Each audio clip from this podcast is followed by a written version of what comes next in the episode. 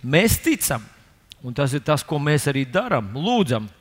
Mēs ticam, ka šis Covid nebūs otrais vilnis. Jēzus var, mēs stāvam tam pretī.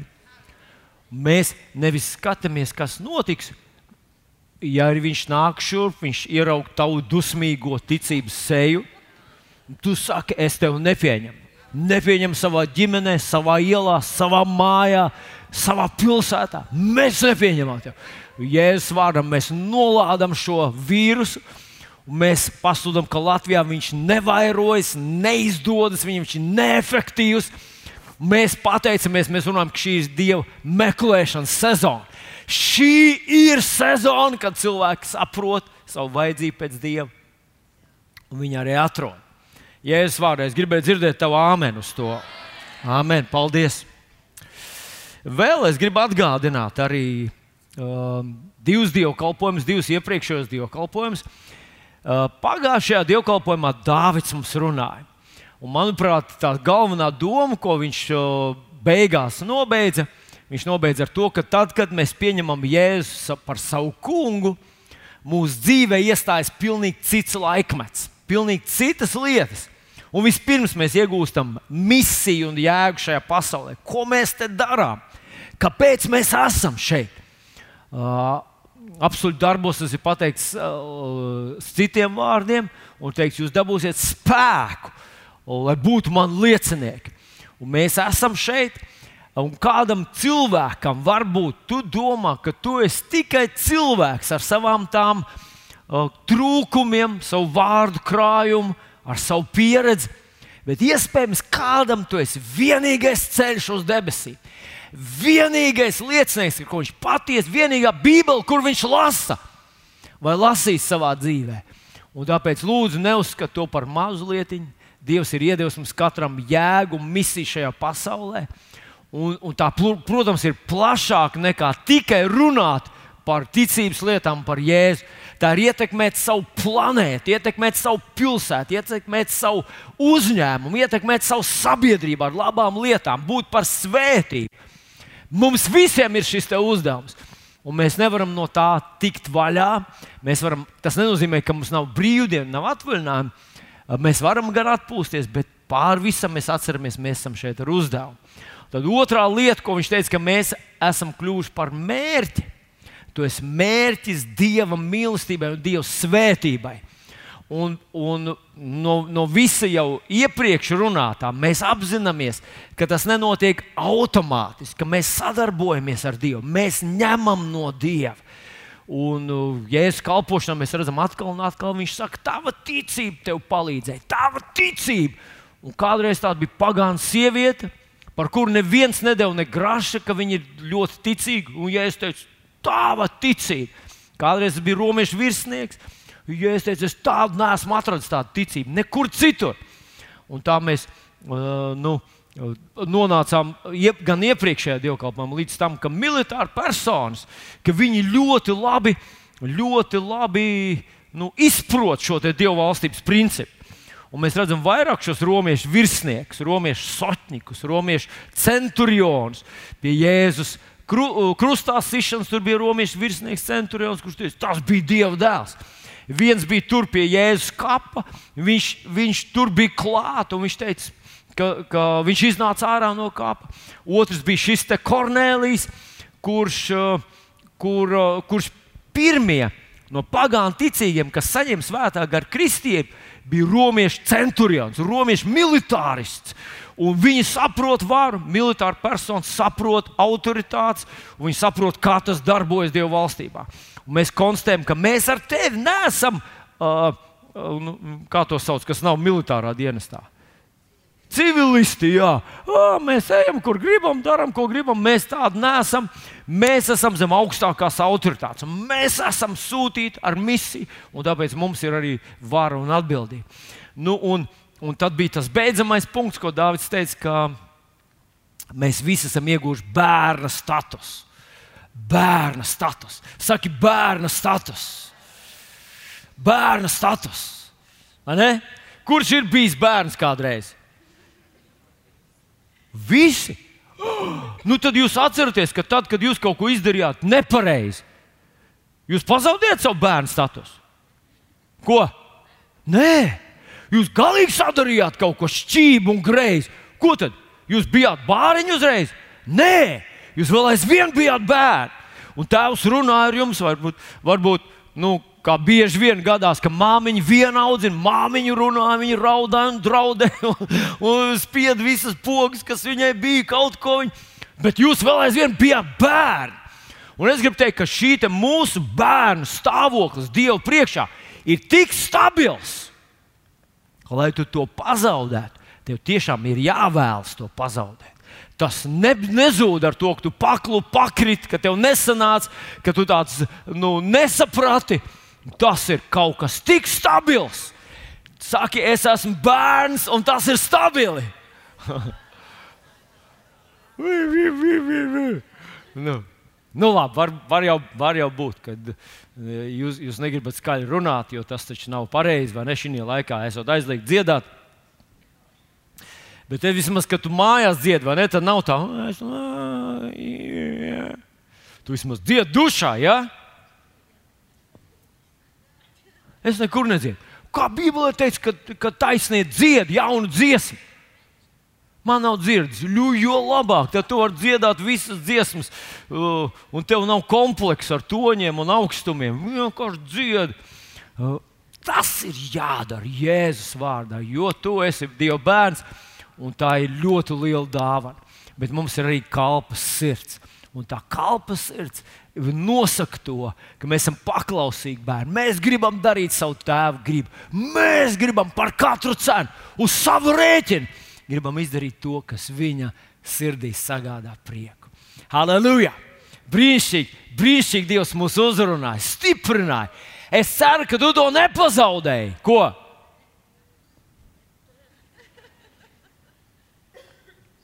Jo, ja, ja man būtu ja man būtu gada beigās jāatgādina, vi, katrā dievkalpojumā viss, ko Dievs ir runājis šajā gadā, būtu ļoti grūti. Tev būtu ļoti grūti ja, sadzirdēt. Man tas tikai palīdzētu. Bet šodien mēs iesāksim šo dievkalpojumu ar rakstu vietiņu, kas ir uzrakstīta pirmajā mūža grāmatā, 8. nodaļā. Pirmā mūža grāmatā, 8. nodaļā. Un manā izpratnē tas loģiski turpina to pašu domu un to pašu koncepciju, uh, ko mazliet citā griezienā, bet mēs skatījāmies iepriekšējos dievkalpojumus. Pirmā mūža grāmata, 8. nodaļa, 22. pāns. Un zinat, ko šis ir stāsts? Uh, tur tajā, tajā vietā ir stāsts par, mm, par Noā. Noā bija cilvēks, kurš izgāja cauri ūdens plūdiem. Tātad, tas, ja gribat, tā ir kaut kāda analoģija ar tām bēdām, kas vēl stāv cilvēcei priekšā ar to Jāņa atklāsmes tiesas, tiesas uh, no tiem laikiem. Tātad šis ir līdzīgs, un mēs zinām, ir cilvēki, kurus Dievs izveda tam cauri, izveda cauri visām lielajām bēdām. Vai bija kāds cilvēks, kur Dievs paņēma tieši pirms bēdām, kā mēs domājam, ka Dievs daļu draudzes paraus, tos dedzīgos Dieva bērnus paņems mājās pirms lielās bēdas sāksies. Jā, tāds cilvēks bija. Tas bija Enoks. Dievs viņu paņēma pirms sākās viss šī lielā, lielā nu, nu, grēku plūdu un, un ļoti liela tiesas diena. Un kā saka, ka pirms, pirms nākošajiem šiem lielajiem nu, tiesas dienas, pirms šiem Jāņa atklāsmes grāmatas ties, tiesas laikmetiem, Dievs atkal paņems vienu personu prom no zemes, izglābjot viņu tādā veidā no visām šīm lielajām briesmām. Kas tā būs par personu? Tā būs Jēzus Kristus miesa vai Jēzus Kristus draugs. Viņš viņu paņems prom. Bet būs acīm redzot, būs arī kaut kādi ticīgie cilvēki, kas izies cauri visam šim drūmajam laikam. Un tomēr Dievs, mēs ticam, Viņš spēja izvest cauri, kā Izraels izgāja cauri Eģiptes zemes kolīziju laikam, kā Noā izbrauca cauri veselu gadu. Viņš pavadīja tajā šķirstā apmēram gadu. Um, tā Dievs spēja izvest cauri mūs, lai arī kas pasaulē nenotiktu. Un tāpēc, kad tu dzirdi kaut kādas drūmas prognozes par nākošiem laikiem, par tur, um, kara stāvokli, tur, um, militāru eskalāciju, kas veidojas starp Ķīnu un Ameriku, un Ķīnu un vēl kaut kādām valstīm, un Krieviju, un ko tur vēl, un Dienvidu, un, un piedodiet, Ziemeļ, uh, Ziemeļkoreju. Jā. Tad mums ar tevi nebūtu jāsabīstās. Mēs ticam, mēs ticam. Un tur tas paradoks, ka tev nav jātic, ka Dievs spēs vilni izvest cauri. Jo tas būtu pāri tavam ticības mēram, vai ne? Hallo! Bet tev jātic, ka Dievs tevi izvedīs cauri. Ka Viņš tevi gana mīl, tu esi gana bērns. Viņš ir gana stiprs, gana dāsns, gana gudrībā varens Dievs, ka Viņš tevi izvedīs tam cauri. Aleluja! Tātad šie grēki plūdi ir tikko beigušies. Noā ir iznācis no šķirsta, viņš upurē dievam, un tad Dievs saka šos vārdus. Vairāk grēka plūdu nebūs. Vai viņš deva kādu zīmi pie debesīm, ka nebūs plūdu? Ko viņš deva? Varavīksni. Varavīksni nav geju zīme. Tā ir Dieva zīme, ka grēku plūdu nebūs. Un zinat ko? Geji to visu laiku sev atgādina, ka plūdu vairs nebūs. Halleluja! Un um, mēs nevaram viņiem neko par to pārmest. Nu, tā tiešām Dievs solīja. Bet nevajag atdot varavīksni, kur Dievs deva visai cilvēcei, ka es jums apsolu, grēku plūdu tādu vairs nebūs. Jēzus vārdā. Un tad viņš saka šos vārdus no 22. panta. Kamēr būs dienas virs zemes, nemitēsies sēšana un pļaušana, augstums un karstums, vasara un ziema, diena un nakts. Diena, nakts, sēšana, pļaušana, augstums, karstums, vasara un ziema. Tas ir kā tāds pārmaiņas visu laiku, vai ne? Ko? Kuram patīk pārmaiņas? Ko jūs melojat? Mums nepatīk pārmaiņas. Pamatā mēs gribam, lai saulīte uzlēs, lai viņa spīd. Ir silti, lai tā paliek un tā tālāk, vai ne? Izrādās, ka cilvēkam nepatīk pārmaiņas. Mēs gribam, lai viss ir droši un stabili. Bet Dievs sacīja šajā vietiņā, ka kamēr būs dienas virs zemes, šeit nebūs nekāda drošība un stabilitāte. Un man jāatgādina tāds stāstījums, kurš nedaudz ar tādu uh, smīnu, bet nu it kā tāds esot bijis. Kādam ebrejam ir galīgi viss dzīvē sagājis grūti. Darbā viņam neiet. Nu, nepērk cilvēku, nepērk preci un neko tur un neusticās viņam vairs. Un viņš atnāk mājās ar sievu, vairs nevar satikt. Tās attiecības ir kaut kā tas, kas iesākās tā kā tādiem diviem balodīšiem. Domāju, kā tas viss skaisti būs. Viss ir sabojājies. Mēs kliedzam viens uz otru, visu laiku viens otru vainojam un pārmetam. Bērni neklausa. Un vēl kronis visam bērniem skolā iet slikti. Un tu zini, ja skolotāji raksta sarkanu tinti dienas grāmatā, vai tagad sūta īsiņas, ja? vai e-pastes, ko tad skolotāji dara? Ko tad? E-klasē liek izsaukuma zīmes. Vai, nu, labi, mēs nezinām. Kaut kas ir pamainījies mazliet, bet viņam viss bija sagājis grīstē. Un ko tad tāds ebrejs dara? Viņš aiziet pie rabīna, atradis kādu ļoti gudru un pieredzējušu rabīnu. Viņš aiziet viņam un stāsta savu bēdu. Tā, vat, nekas dzīvē vairs neiet. Mājās negribas iet. Ar sievu esmu sasīdējis, bērni neklausa, ne, ne, nav gudri, biznesa neiet. Nu, Gan arī dzīvot negribas. Un rabīns viņam saka, zini, es tev došu padomu aizēja mājās un uztaisīja tādu lielu uzrakstu. Tā nebūs vienmēr. Un piestiprina viņu virs savas dzīvokļa durvīm. Tā nebūs vienmēr. Un kad tu ej mājās, un tu jau sāc domāt par to visu, visām tām negatīvām lietām, kas tev sagaida, izlasi to uzrakstu virs durvīm. Tā nebūs vienmēr. Nu, vai tiešām tas palīdzēs? Uh, tas ebrejs jautā. Rebiens saka, redzēs, ka palīdzēs. Vārds, ko viņš tā arī izdara, uzrakst šo uzrakstu, uzliek šo uzrakstu virs savām durvīm, tā nebūs vienmēr. Un ziniet, ko pēc mēneša viņš atnāk atpakaļ pie rabīna un saka, ziniet, ko palīdzēja.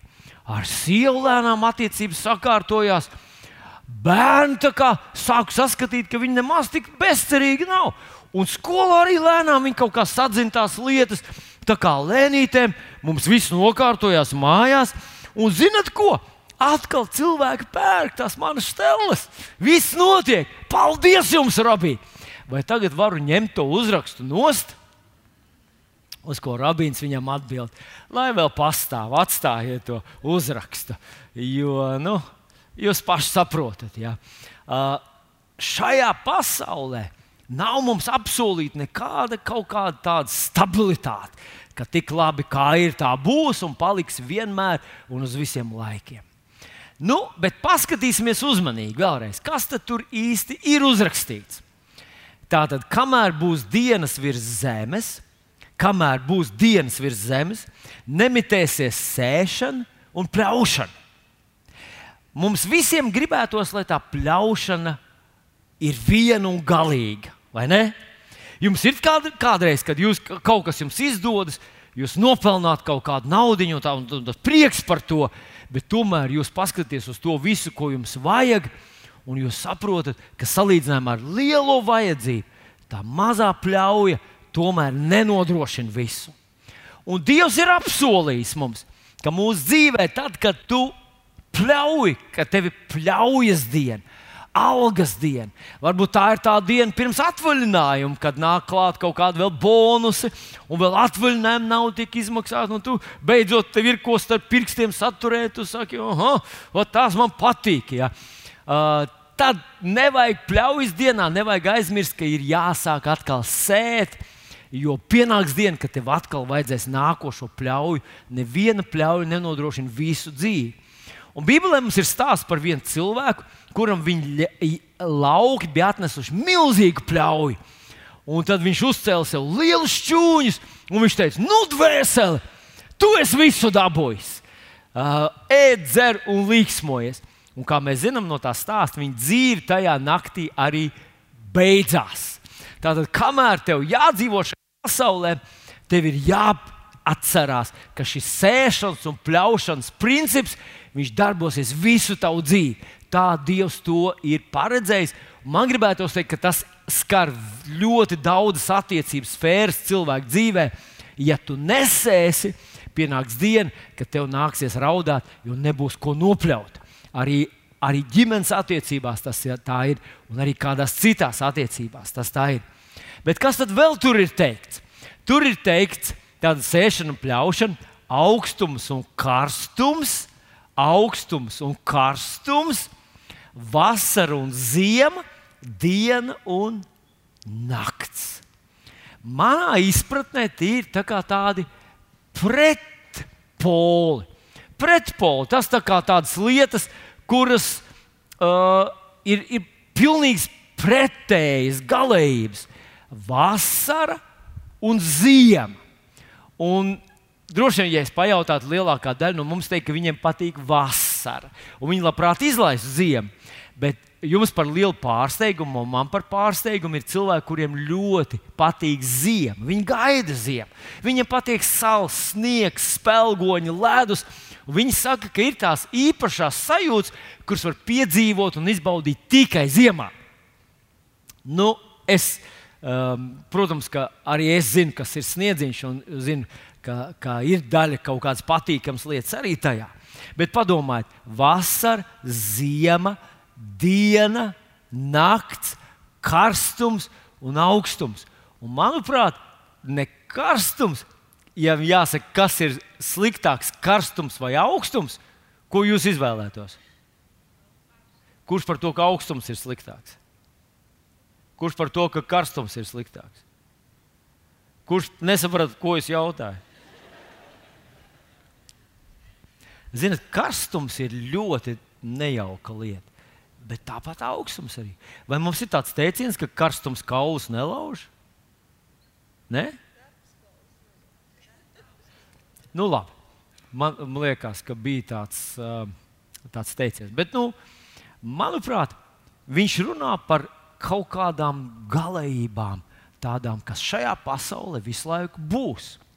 Un tā kā cilvēks, kuram patīk vasara, man šķiet, ka mums ir ļoti paveicies, ka šobrīd ir vasara, un arī tas, ka mēs dzīvojam globālās sasilšanas laikmetā.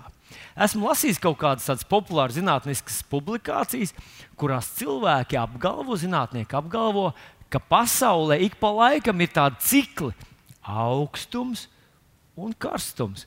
Ka pasaule ir tā kā tāda sasilšanas fāzē un atzīšanas fāzē. Un tajā rakstā bija teikts, ka tā atzīšanas fāze ir daudz destruktīvāka nekā sasilšanas fāze. Un, manuprāt, mums ar jums ir ļoti paveicies. Jā, tur kāds man māja, ka mēs ar jums dzīvojam tajā globālā sasilšanas fāzē. Nu, ja tev ļoti patīk augstums, novēl tev sagaidīt globālo atzīšanas fāzi, un tad uzrakstīt mums vēstuli un pastāstīt, cik ļoti labāk ir tad, kad viss atzīst un viss sasalst. Nu, ko es ļoti apšaubu. Bet, manuprāt, šeit Dievs mums dod tādus, tā kā, tādus vadlīnijas, principus, lai mēs raugoties uz šo pasauli, rēķinātos ar tiem. Un, un, manuprāt, tas ir gandrīz vai tā kā apsolījums, ka, ja tavā dzīvē ir ziema, tad tas nebūs mūžīgi, ka pienāks arī labāki laiki, pienāks arī gaismas dienas, pienāks siltums un pienāks vasara. Bet zinat ko? Man radās, domājot par šo pantu, man radās tāds jautājums, un tas drīzāk no tā, ka esmu sastaps cilvēks, kas tā pavisam acis nemirkšķinot, saka, apgalvo tādus vārdus, ka viņu dzīvē, viņu visā dzīvē, nekad nav bijis nekāds tāds brīdis, kad viņi tiešām būtu sajutuši tā tādu gaismu, siltumu un vasaru un es nerunāju par klimatiskiem apstākļiem.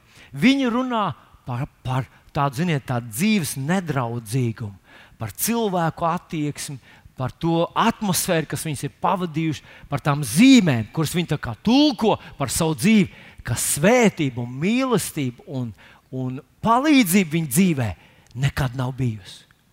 Un tad man radās tāds jautājums, vai ir iespējams tā, ka cilvēks atrodas vasarā, bet sajūt to kā ziemu un uztver to kā ziemu. Vai varētu tā būt, ka mūsu vidū kāds ir tāds, kura, ja no malas ar tādu, ja būtu tāds, ja būtu tāds nu, kaut kāds testeris, ar kuru patestēt cilvēka dzīves temperatūru un visu to, kas ar viņu dzīvē notiek, ka testeris, tas objektīvais rādītājs, teikt, ka viņa dzīvē ir plus mīnus vasara. Bet tas cilvēks acis nemierināts, teikt, skatītos jums acīs un teikt, kādu vasaru. Paskatieties, man ir zosādi uz rokām uzmetosies. Es visu savu dzīvi dzīvoju ziemā. Vai tas būtu iespējams? Un tā kā es tādus cilvēkus esmu saticis, un Dievs teica, ka tas nav iespējams, man šodien gribētos par to parunāt, kāpēc dažreiz cilvēki tā jūtas un arī paskatīties uz raksturvietiņu, kur, manuprāt, mums to arī ļoti labi atklāja. Ja tad cilvēks jūtas ziemā, vasaras vidū. Viņam vajadzētu svinēt un baudīt, bet viņš bēdājas un skumst. Nu, viena tāda raksturvietiņa ir uzrakstīta, kur Jēzus runā ar saviem mācekļiem, un tas ir uzrakstīts Jāņa Evanģelijā 14. nodaļā. Jāņa Evangelijas 14. nodaļa, 28. pāns. Jēzus saka saviem mācekļiem: Jūs esat dzirdējuši, ka es jums esmu sacījis, es aizēju un atkal nākšu pie jums. Ja jūs mani mīlētu, jūs priecātos, ka es aizēju pie tēva, jo tēvs ir lielāks nekā es. Varbūt šajā vietiņā mēs īsti to nevaram uzreiz piefiksēt visu to Jēzus mācekļu skumjas, bēdas un bailes, bet mēs tā skaidri redzam drusciņu vēlāk, vēl dažus teikumus vēlāk, Jēzus to vēl skaidrāk pasaka. Bet es izvēlējos šo pantu tādēļ, ka šeit ļoti spilgti Jēzus saka, ja jūs mīlētu mani, jūs priecātos, ka es aizēju. Jēzus bija cilvēks, kurš piedzīvoja savā dzīvē ļoti daudz atraidījumu, ļoti daudz ienaida, ļoti daudz nedraudzīgumu, ļoti daudz nesapratnes. Mēs ar jums esam piedzīvojuši to ļoti maz. Un tomēr katru reizi, kad mēs ar to saskaramies, kad tu saskaries ar to, ka kāds tevi atraida, ka kāds tevi vērtē pēc kaut kādiem ārējiem, ārējiem pazīmēm vai pēc pirmā iespēja, un saka tev, tu tāpēc, ka tu šāds vai tāds, tāpēc, ka tu izskaties šitā vai tā, vai tāpēc, ka tu esi tāda dzimuma vai tādas komplekcijas vai tādas, tāda izskata, pabrauc, pavācies malā, aizveries vai ej prom, vai lasies dillēs, vai vēl kaut ko. Citiem vārdiem, tevi atraida tā vulgāri un tieši kaut kādu iemeslu dēļ. Un tas ir šausmīgi sāpīgi. Es uzdrošinos teikt, ka Jēzus savā dzīvē to piedzīvoja vairāk nekā jebkurš cits cilvēks pasaulē. Un viņa dzīve pavisam nelīdzinājās tām, tām skaistajām pastorālajām glezniņām, kuras mēs kādreiz lasām, skatāmies bērnu bībelītēs, kur Jēzus ar mazu āviju uz pleciem Viņš tādiem uzfēnotiem, skaistiem matiem, baltās drēbēs iet, un tur zālīts, saulīts spīd, tur strautiņš tek, un aviju pulciņš tur seko viņam no tālienes. Viņa dzīve bija smaga, tiešām emocionāli un dvēseliski ļoti smaga. Mēs nevaram iztēloties to, ar ko viņš sastapās. Un kā mēs zinām, beig beigās viens no viņa mīļākajiem mācekļiem viņu nodeva ar skūpstu. Tam vajadzēja sāpēt šausmīgi. Vai Jēzum tas sāpēja? Vai Jēzum tas sāpēja? Uz sāpēja, sāpēja par visiem simt procentiem. Viņš bija īsts cilvēks, un viņam viss šīs lietas sāpēja. Un tad, kad viņš mācekļiem saka, ka mans kalpošanas laiks tuvojas beigām. Es drīz, pavisam drīz jau būšu atpakaļ pie tēva, kurš man mīl, kurā ir svētlaimes un svētuma un debesu atmosfēra. Ja es saku, mācekļi, ja jūs par mani rūpēties, ja jūs mani mīlētu, jums vajadzētu priecāties par to, kungs, ka tagad tev būs vieglāk, ka tu būsi pie tēva. Kāpēc mācekļi nepriecājās? Kāpēc? Par ko viņi domāja, tie mācekļi? Par ko? Viņi domāja par sevi. Jā, ar viņu jau bija grūti. Viņam bija atbildes visiem jautājumiem. Viņš prata apstādināt vētru un jūru. Viņš prata demonus izdzīt. Ar viņu bija grūti mums. Kas būs bez viņa? Viņi skum par sevi. Cik ļoti mēs līdzinamies mācekļiem, vai ne? Par kuru tu runā? Par tevi. Mēs taču arī visu pirmkārt piemēram, ko tas nodarīs mums. Vai ne? Kā tur bija pēc manis kaut vai ūdens plūdi.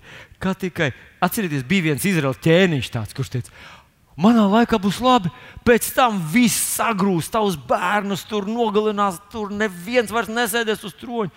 Un viņš saka, tā vietā, lai tēvs mestos uz savu vaigu Dievu priekšā un teikt, Dievs, labāk man to nodara, bet ne maniem bērniem.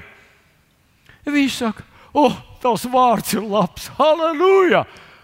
Kā tikai manā laikā ir miers, un es paspēju nomirt ar pilnu vēdru. Egoists. Ziniet, kas viņiem atņēma prieku šiem mācekļiem? Ka viņi bija egoisti.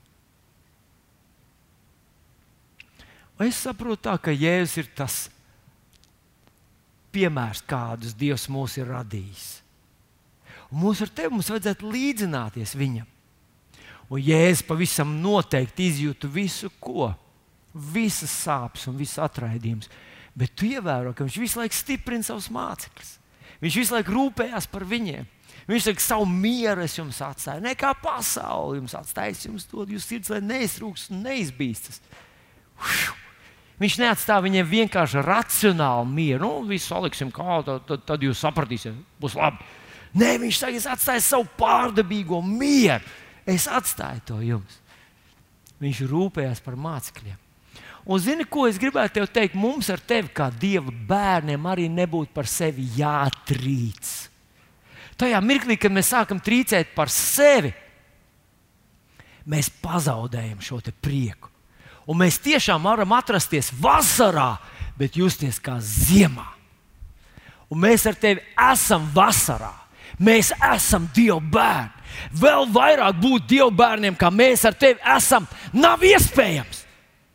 Un pieņemsim tevi, mēs rītā iecelt par Romas pāvestu šis atteiktos un tevi iecelt tajā vietā. Te uzlikt to balto mēteli, sarkanās kurpes, sarkanās zeķes, te uzlikt to uh, turbānu galvā. Un nu te teikt, nu tu tagad uh, pārcelsies uz Vatikānu un, un staigās tur visu laiku, tajā svētajā atmosfērā. Un katru naktu uz tevi skatīsies 15 gleznas, vis, visādi, un, un visādi tur tas. tas. Tu nebūtu vairāk Dieva bērns ne par kapeiku es sāku šaubīties, varbūt, ka tu būtu mazāks Dieva bērns, ja tevi iesvaidītu par pāvestu. Halleluja! Kāda man laba humora izjūta šorīt, ko jūs drusku bremzējat?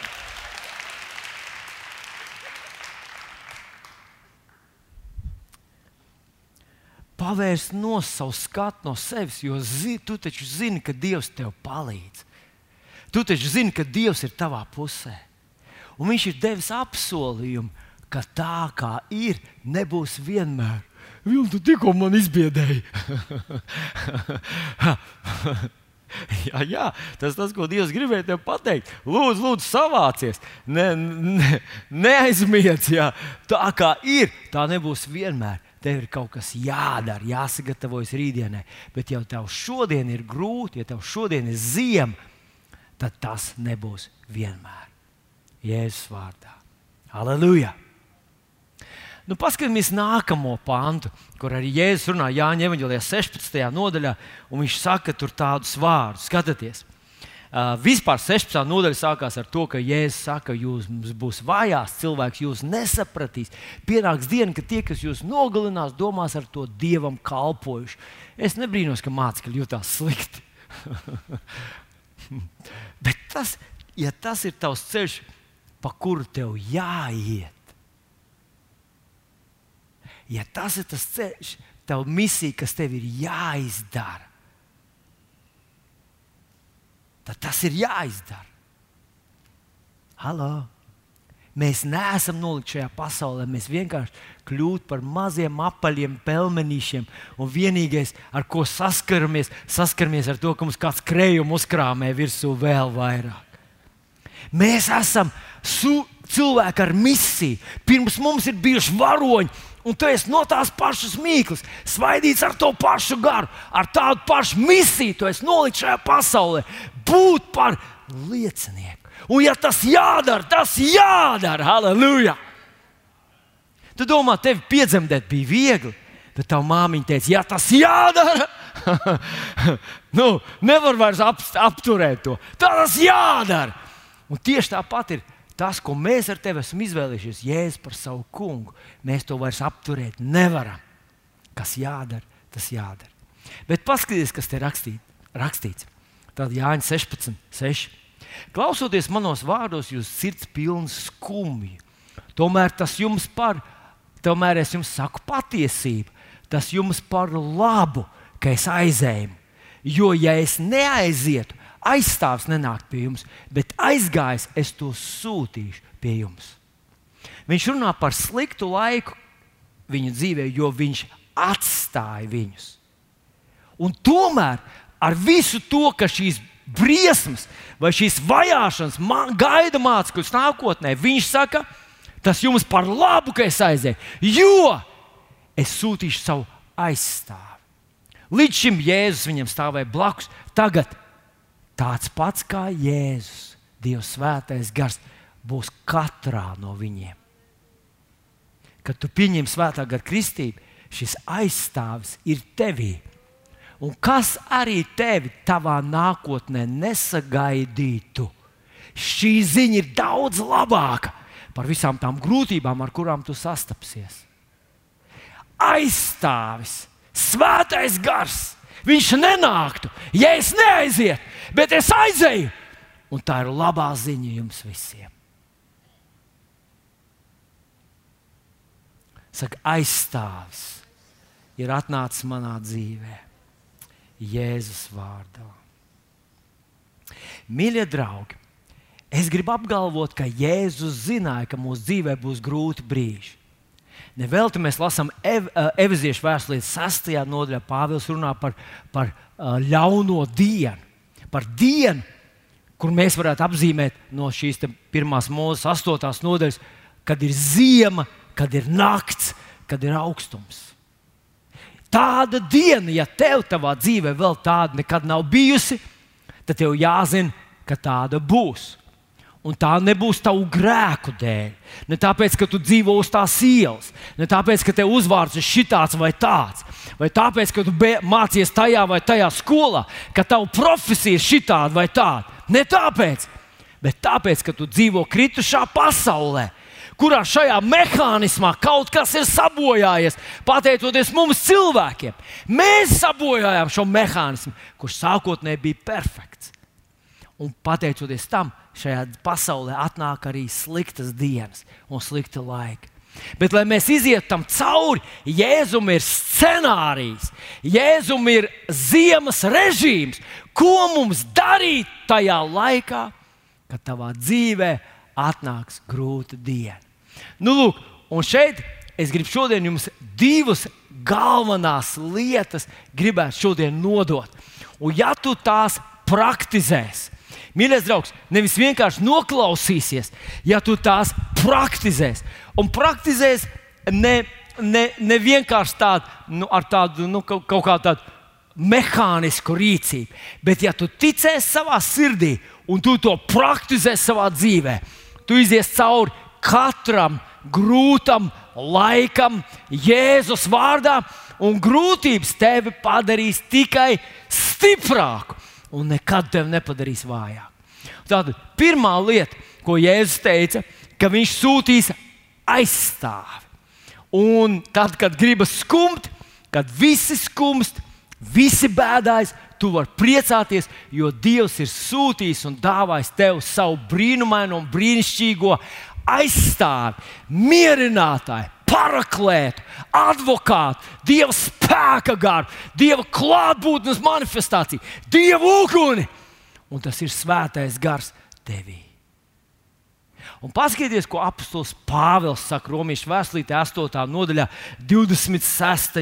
pantā. Es šo rakstvietiņu zinu no galvas, un es ik pa laikam to sev atgādinu, citēju, un es pasludinu tajos brīžos, kad es jūtos tā, it kā es atrodos ziemā, lai gan zinu, ka esmu maksimālā vasarā. Skatieties, bez tam arī gars nāk palīdzīgā mūsu nespēkam, jo mēs nezinām, ko mums būs lūgt un kā. Tu nemaz nezini, ko tev lūgt. Es zinu, es zinu, ko es gribu. Tas nav tas pats, vai, ko tev vajag. Svētais gars mums nāk palīdzīgā mūsu nespēku brīžos. Tajos brīžos, kad tu sajūties, ka tu nemaz glābts neesi, ka Dievs tevi ir atstājis, pamets, ka tu esi viens atstāts, ka nekas nenotiek, ka tava ticība nedarbojas vairs, ka tavs lūgšanas neviens nedzird, ka tava slava neskan jau tev pašam riebjās, kur nu vēl Dievam. Tajos brīžos Ne tikai tajos brīžos, arī brīnišķīgos brīžos. Svētais Dieva patiesības aizstāvs, paraklēs, advokāts, tas, kurš tev būs blakus, viņš tev palīdz. Un rekā viņš saka, viņš nāk palīdzīgā mūsu nespēkam, jo mēs nezinām, ko mums būs lūgt un kā. Bet pats gars aizlūdz par mums ar neizrunājamām nopūtām. Tas ir tas, ko mēs saucam par lūgšanu mēlēs. Es esmu to piedzīvojis pāris reizes, burtiski tā, ka tu jūties nu, tā, kā, tā, kā, tā kā tu būtu intensīvajā terapijā, tā kā tu būtu reanimācijā, garīgi un fiziski arī. Un kaut kas attiecībās arī. Un parasti visas lietas, kad kaut kas nobrūk, nobrūk visu uzreiz. Un tad Es jau par šiem gadiem to esmu iemācījies, bet es jūtu, ka svētais gars atkal man atgādina. Un kādreiz tu lietas, kuras tu zināji desmit gadus, tu aizmirsti 11. Un svētais gars tev atgādina, lūdzu, mēlēs. Un tu vari iesākt, tas ir grūti un smagi. Un dažreiz liekas, ka rīkli ir izkaltus, un tas neiet un nedarbojas. Bet tu sāc to darīt. Un tas ir tas, ko Pāvils saka. Svētais gars nāk palīdzīgā. Viņš pēc dieva gribas iestājas par svētajiem. Svētais gars iestājas par svētajiem. Tu lūdz perfekto dievu gribu tev, un šis aizstāvs tev izved cauri šim grūtajam brīdim.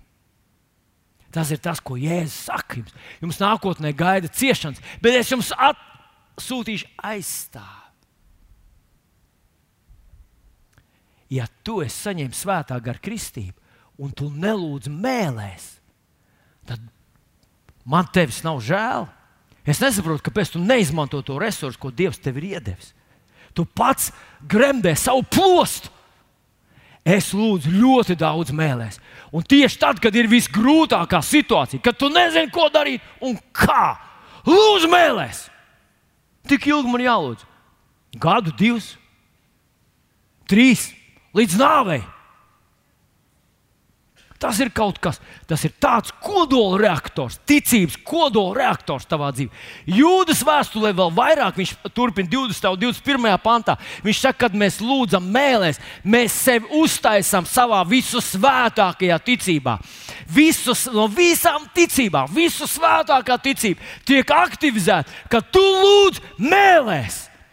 Un tālāk viņš saka, tu pasargi sevi Dieva mīlestībā.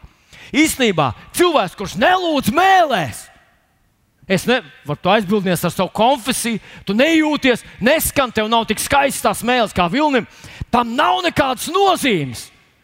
Ja tu nelūdz mēlēs, tu sevi nepasargā, tu savu ticību nelieto, un tu neļauj svētajam garam tev izvest cauri situācijai, kurai tu pats neizies cauri. Un tā ir pirmā lieta, ko viņš saka aizstāvis nāks, svētais gars nāks. Viņš jūs vadīs, viņš jūs izvedīs cauri, viņš jums būs klāt, viņš ir aizstāvis. Un reko viņš saka, Jāņem, 14. nodaļā. Tā ir otra rakstvietiņa, un tā ir otra patiesība. Ļoti stipra patiesība, ko es gribu šodien vēlreiz tev atdot un pateikt, ka Tas ir izdzīvošanas komplekts kristietim. Tā ir pirmā palīdzība slīkšanas gadījumā, sirds mazspējas gadījumā. Tā ir vēl kas arī nebūtu tavā dzīvē. Es runāju, protams, par garīgām lietām. Šī ir otra spēcīgā lieta, kas darbojas pie kristieša. Jā, ņemot 14. nodaļā, Jēzus saka tā. Bet aizstāv svētais gars, ko Tēvs sūtīs manā vārdā, tas jums visu mācīs un atgādinās jums visu, ko es jums esmu sacījis. Svētais gars atgādinās, ko Jēzus sacīja. Kāpēc viņš atgādinās to, ko Jēzus sacīja? Kāpēc? Skaties, es iz, izlasīšu uzreiz uh, to nākošo rakstvietiņu no Jeremijas grāmatas. Paklausies, ko Jeremija saka. Dievs saka, Jeremijam, Jeremija 23, 29, vai mans vārds nav kā uguns? Tā saka tas kungs, un, vai, un kā vesels, kas sagrauj klintis. Vai mans vārds nav kā uguns un kā vesels, kas sagrauj klintis? Es vienkārši esmu mīļš, ticīgais, un es, es, es, es dziedu visādas dziesmas, kristīgas. Nē, garām, dārgais, Jēzu. Tā ļoti laba, ļoti laba dziesma, bet tie nav Jēzus vārdi. Jēzus teica, es tevi neatstāšu un nepametīšu. Un, ziniet, es jums gribu izstāstīt mazu ilustrāciju, kas, manuprāt, ir, ir vienkārši perfekta. Lūdzu, nevienam neiz, nenodod, jo, jo tad, uh, tad man nebūs vairs šī ilustrācija. Manā bērnībā mums bija viena ļoti populāra spēle, tas bija kariņš. Mums visiem puikiem mājās bija ieroči, dažām meitenēm arī bija ieroči. Nu, un ik pa laikam, vakarā nezinājām, ko paslēpt, spēlējām, salku spēlējām. Jaunieši nezina, kas tas ir. Jaunieši vispār zinat, kas ir paslēpts? Nē, jā, aiz iPad noslēpjās. Jā. Bet paklausieties, un, un top spēle bija kariņš. Un visiem tāds kariņš, tad visas metās uz mājām, katrs sameklēja savus ieročus, un visi mēs atgriezāmies abās biksēs, un viss ir kur. Un tagad sākās karš. Un mēs bijām ļoti perfekti apgūti tajā laikā. Filmas par karu bija tikpat daudz kā tagad. Jā. Un mēs visi mēs mācījām Madriem.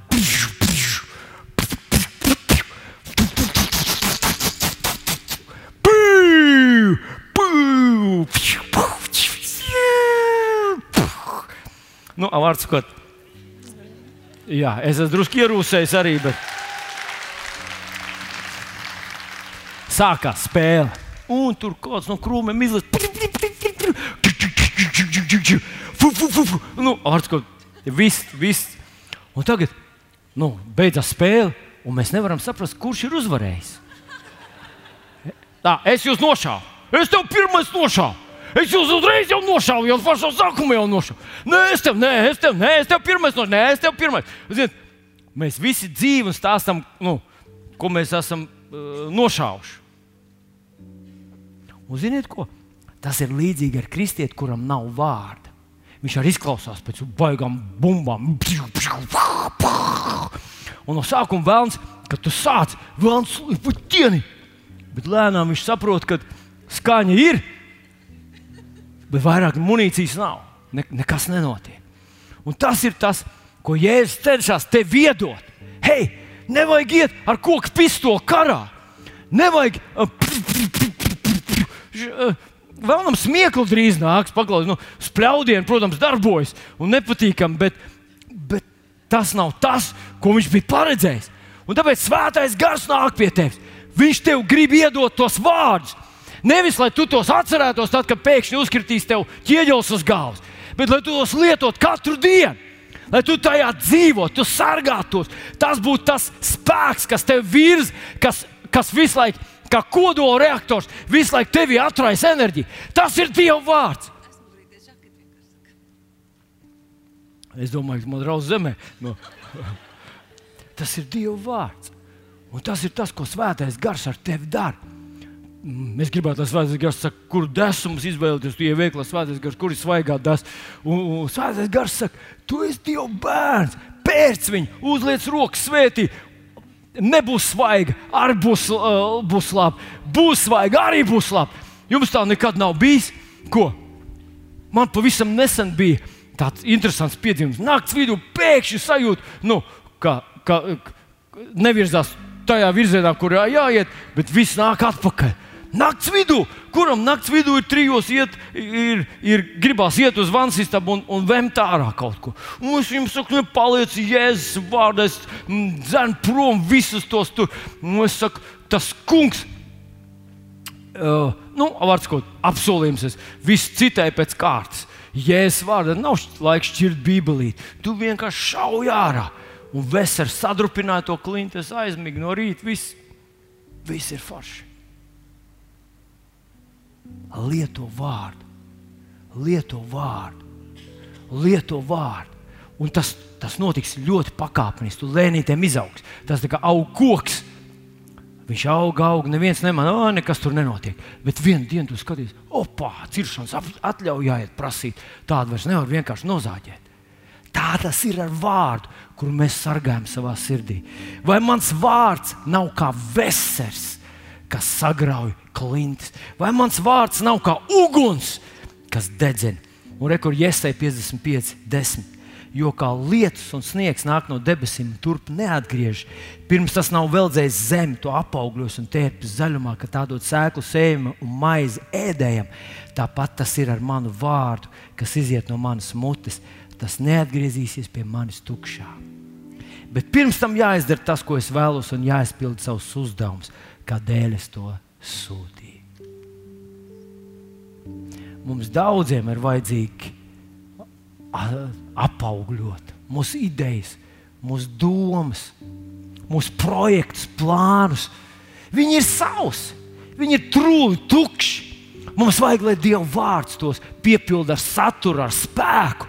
Lai mums izdotos tas, ko mēs darām, lai mūsu vārdiem būtu saturs un spēks, mums vajag šo vārdu un svētais gars mūs ved cauri lūkšanā, un viņš mums atgādina Jēzus vārdus. Ja tu tos neņem vērā, tad nav jēgas gaidīt, ka svētais gars tev kaut ko citu vēl darīs. Jo tas būtu vienkārši sūtīt tev karā ar nederīgiem ieročiem. Šajā rītā es gribu tevi uzrunāt vēlreiz. Un es gribu, lai tu paskaties uz savu dzīvi, kur tu esi šobrīd. Kas ar tevi notiek? Tu esi vasarā vai ziemā? Varbūt tu jūties, ka tu esi ziemā. Bet, ja es teicu, jums vajadzēja priecāties, jo es aizēju pie tēva un es sūtīšu aizstāvu, tas aizstāvs ir atnācis pie tevis.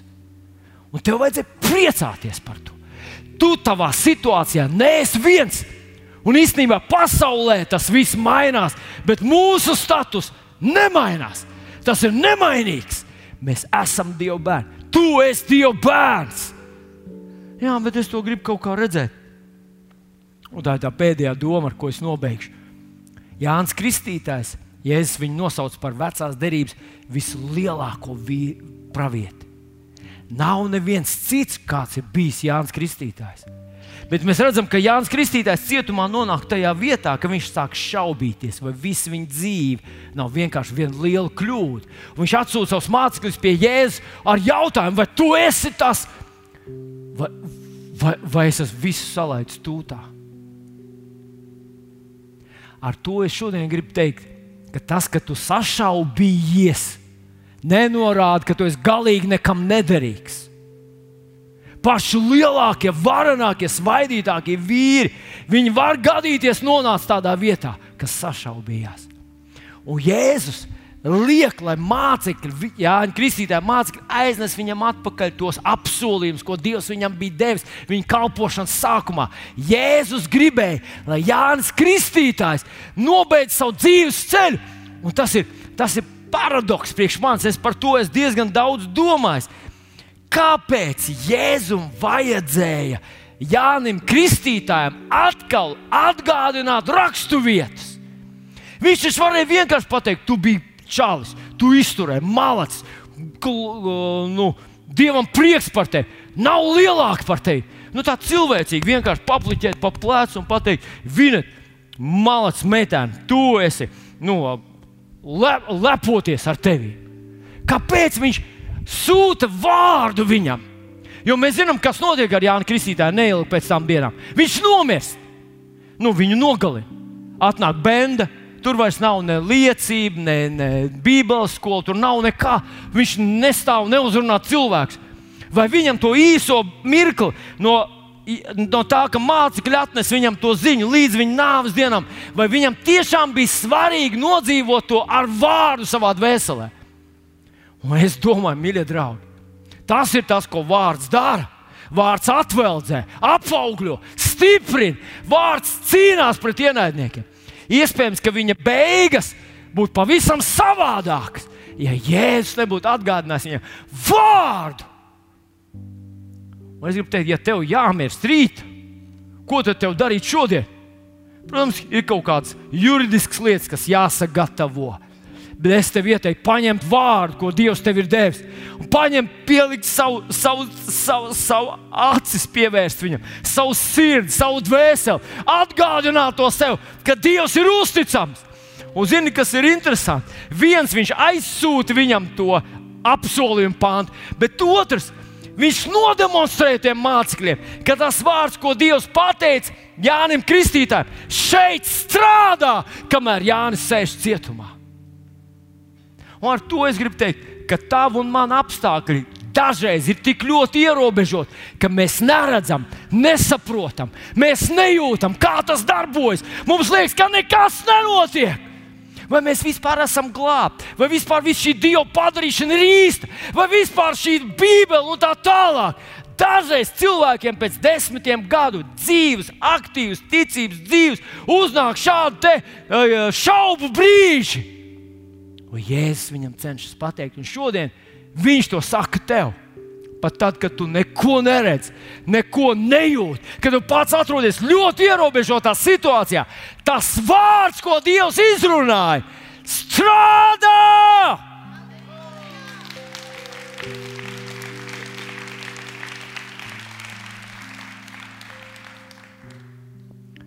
Ziniet, viena lieta, kas man liekas, kas, kas kaitina Dievu,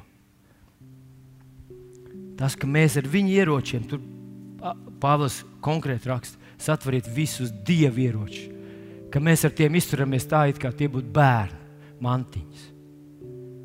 Mēs neticam, mēs nelietojam to ar tādu ar ticību, kā tam jābūt. Mēs to jēzus vārdā, bu, bu, bu. Halleluja! Mainam to! Ja tavā dzīvē šobrīd ir ziema, vienalga kādā sfērā, tā tas nepaliks. Dievs ir pašā sākumā pateicis, ka ziema beigsies.